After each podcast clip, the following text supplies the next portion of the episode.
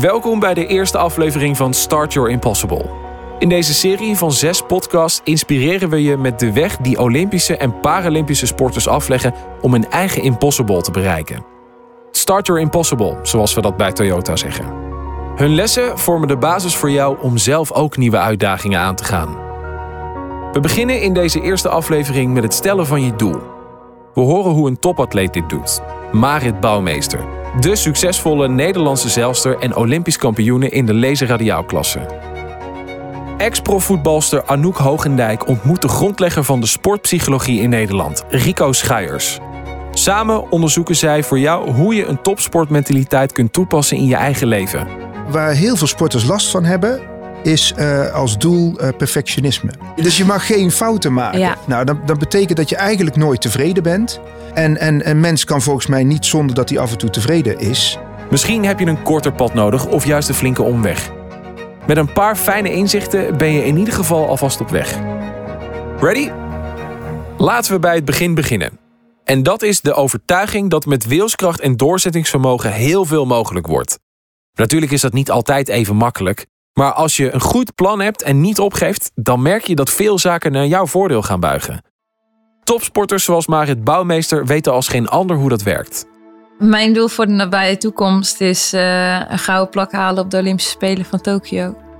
Ja, ik heb dit doel uh, vooral gesteld na het uh, winnen van goud in 2016. Al was het voor mij wel al vrij snel duidelijk dat ik door zou gaan. Maar ja, je gaat natuurlijk alleen door als je op het hoogste podium kan acteren en altijd de beste bent. want in principe ben je niet veld op vulling. Uh, maar na het winnen van goud in Rio wist ik wel gelijk, ik ga opnieuw naar Tokio. En ik ga mijn titel niet verdedigen, want hij is niet voor mij. Ik ga hem opnieuw aanvallen. Marit is in haar klasse een van de meest succesvolle zeilsters. In 2011, 2014 en 2020 sleepte ze de wereldtitel in de wacht. In 2012 won ze een zilveren WK-medaille en zilver op de Olympische Spelen. In 2016 deed ze er nog een schepje bovenop toen ze de gouden plak van de Olympische Spelen mee naar huis nam. Ook voor de Spelen in Tokio heeft ze zich gekwalificeerd en we zijn benieuwd naar haar doelen en verwachtingen. Ja, wij beginnen eigenlijk met het einddoel. Dus ik ben na Rio ben ik gelijk naar Tokio gevlogen. Ik ben naar de baai gegaan daar. En echt uh, geprobeerd te omschrijven van hoe ziet de Olympisch kampioen van 2020 eruit? Wat voor type baai is dit? Zijn het, uh, is het juist technisch met heel veel golven of is het juist vlak water? Hoe zit het met de faciliteiten? Uh, zijn natuurlijk een stuk kleiner en, en de haven is op een eiland. Maar zijn de huizen? Kan ik daar verblijven? En hoe zit het met fysieke training? Ik heb bijvoorbeeld gezegd van oké, de baai van Tokio is een stuk makkelijker als Rio. Maar dat betekent dat er moeilijker verschil gaat worden gemaakt ten opzichte van concurrenten. Dus elke kleine nuance gaat tellen. Uh, ik heb ook het belangrijkste doel gezet. Waar ik vroeger wou ik graag veel EK's en WK's winnen. Heb ik nu gezegd, oh het gaat allemaal om de Spelen. Um, ja, nu met alles wat er nu is gebeurd met de coronacrisis ben ik natuurlijk heel blij dat uh, ik al die uren daar heb gemaakt. En in 2019 was ik heel, uh, nou ja, wel een beetje teleurgesteld van mijn resultaat op het EK en WK, omdat ik daar geen voorbereiding voor had getroffen. Maar ik hoop wel dat ik nu uh, straks daarvoor beloond word tijdens de Olympische Spelen voor die keuzes die ik gemaakt heb. Marit heeft dus heel duidelijk haar doel gevisualiseerd voor deze Spelen. En ze werkte elke dag keihard aan om steeds een beetje beter te worden. Marit begon met zeilen toen ze nog maar zes jaar oud was. Het duurde niet lang tot iedereen kon zien dat ze bijzonder getalenteerd was, want al op haar dertiende behoorde ze tot de kerngroep. Dat is een trainingsgroep voor de beste zeilers van Nederland. Sindsdien is ze naar de top geklommen, maar doet dat niet alleen. Ja, bij het behalen van je doelen uh, is natuurlijk ook heel erg belangrijk uh, het supportteam om je heen. Met wie ga je werken? Wie wil je om je heen hebben? Uh, dus je begint met een resultaatdoel. En ja, wie heb ik daarbij nodig? Gaat Jaap Zielhuis, die nu de bondscoach is van de zeilen, mij nog wel zoveel geven om goud te winnen in Tokio. En ik dacht dat ik eigenlijk meer kans had om met mijn broer te werken. Iemand die uh, technisch van het allerhoogste niveau is. En zo ben ik eigenlijk langzaam uh, mijn team gaan vormen met ja, mijn fysieke trainer, een sportarts, een fysiotherapeut, een voedingsdeskundige, sportpsycholoog. Ja, eigenlijk lijkt het alsof je dan in je eentje in de boot zit. Maar eigenlijk heb je gewoon een heel supportteam om je heen. En wil je gewoon het beste uit iedereen zijn expertise halen. Als jij, net als Marit, iets wil bereiken, dan is een helder doel het eerste dat je nodig hebt. Wat is jouw onmogelijke uitdaging? Of wat zou jij graag willen bereiken wat tot nu toe niet lukte? Het idee is in ieder geval dat je voor jezelf duidelijk bepaalt wat je wilt en dat je bedenkt hoe je dat gaat bereiken. Hoe concreter, hoe beter, want dan weet je ook of het lukt. Om te bepalen hoe ver je nog van je doel verwijderd bent, kun je ook voor jezelf duidelijk maken hoe je jouw resultaat gaat meten. Kun je het resultaat horen, zien, vasthouden, voelen of in speciale gevallen ruiken. Topatleet Marit Bouwmeester laat ons zien dat het van groot belang is om te weten wat je wil bereiken, waarom je dat wil bereiken en hoe je dat gaat aanpakken. Juist dan kom je met succes over de finish. Dat geldt dus voor topsporters, maar ook voor jou en mij. Iemand die daar meer over weet is sportpsycholoog Rico Schuijers. Ex-topvoetbalster Anouk Hogendijk spreekt hem in het Olympisch Stadion in Amsterdam over de mentale kant van sport. Anouk, jij als topvoetbalster weet natuurlijk alles over doelen. Eh, Wat heb jij geleerd over doelen stellen? Nou, doelen stellen deed ik al als klein meisje. Dus dat zit er bij mij gewoon van nature heel erg in. Eh, ik wilde bijvoorbeeld bij Ajax voetballen. Nou, er was geen vrouwenteam, maar ik dacht, nou, dan ga ik gewoon bij de mannen spelen als eerste meisje. Dus dat was mijn doel en mijn droom. En dat had ik altijd nodig.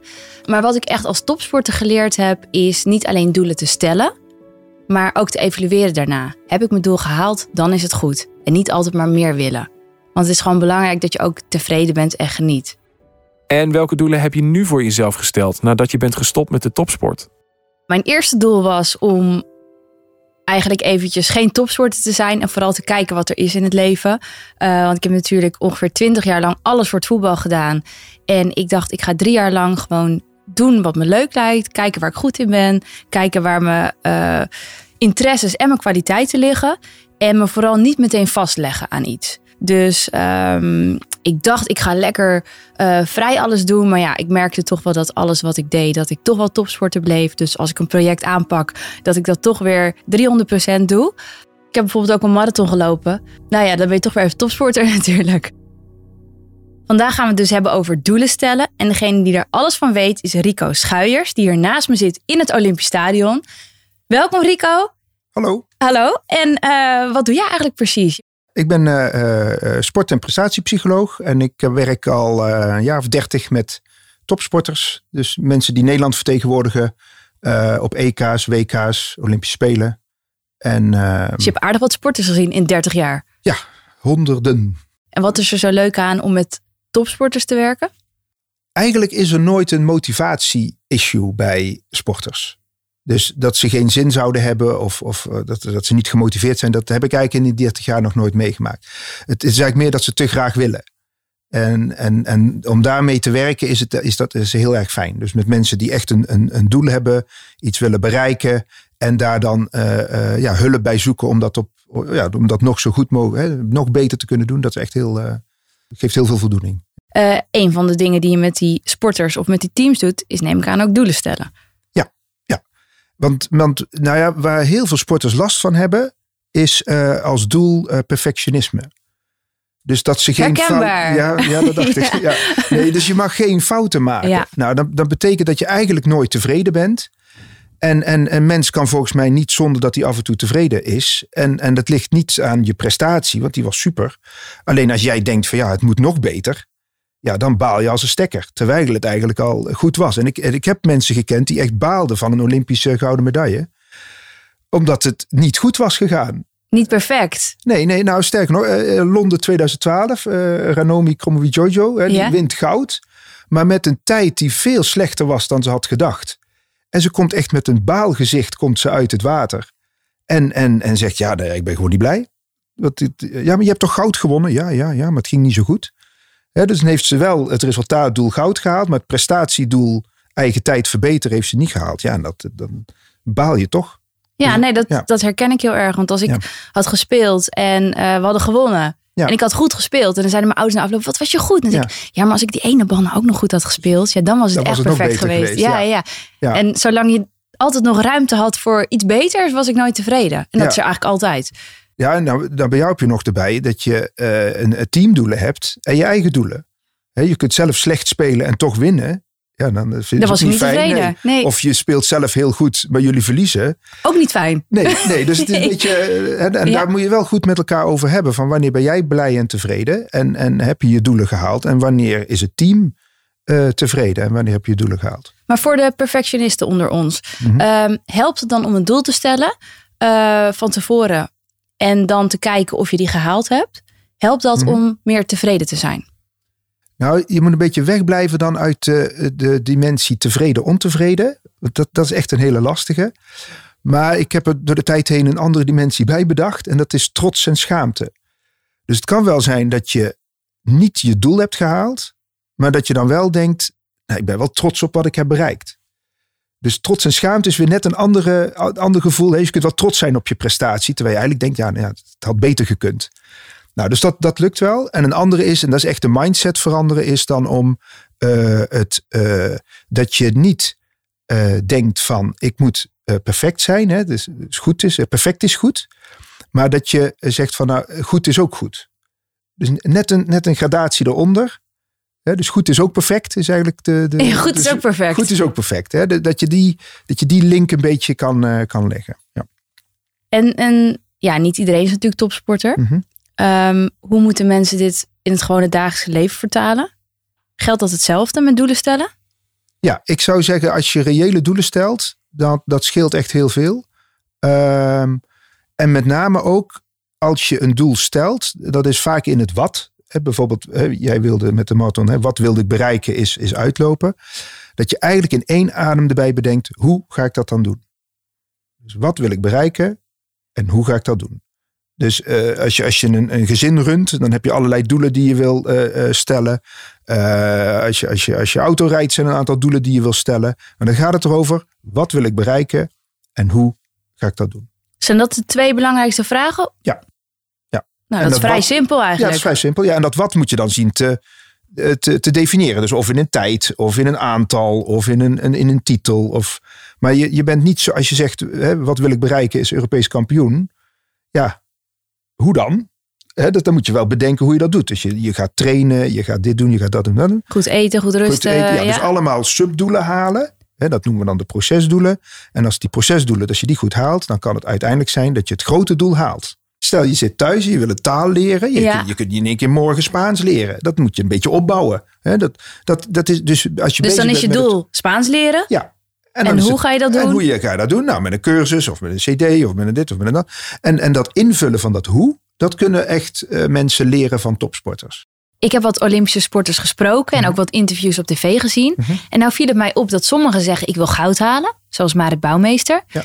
Eh, maar er zijn er ook veel die zeggen ik wil de beste versie van mezelf laten zien of mijn beste tijd neerzetten.